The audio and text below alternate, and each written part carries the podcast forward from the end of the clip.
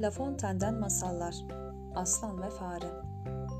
Günlerden bir gün ormanda aslanların en heybetlisi derin bir uykuya dalmış.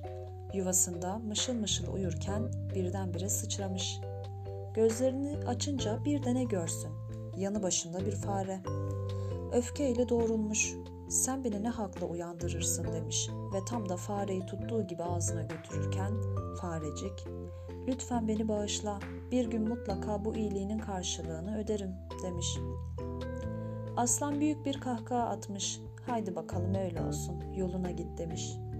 Gel zaman git zaman aslan avcılar tarafından yakalanıp iple bir ağaca bağlanmış. Onun kükremelerini duyan fare gelip ipi dişleriyle koparmış, aslanı kurtarmış ve sana iyiliğinin karşılığını öderim dediğimde benimle alay etmiştin demiş.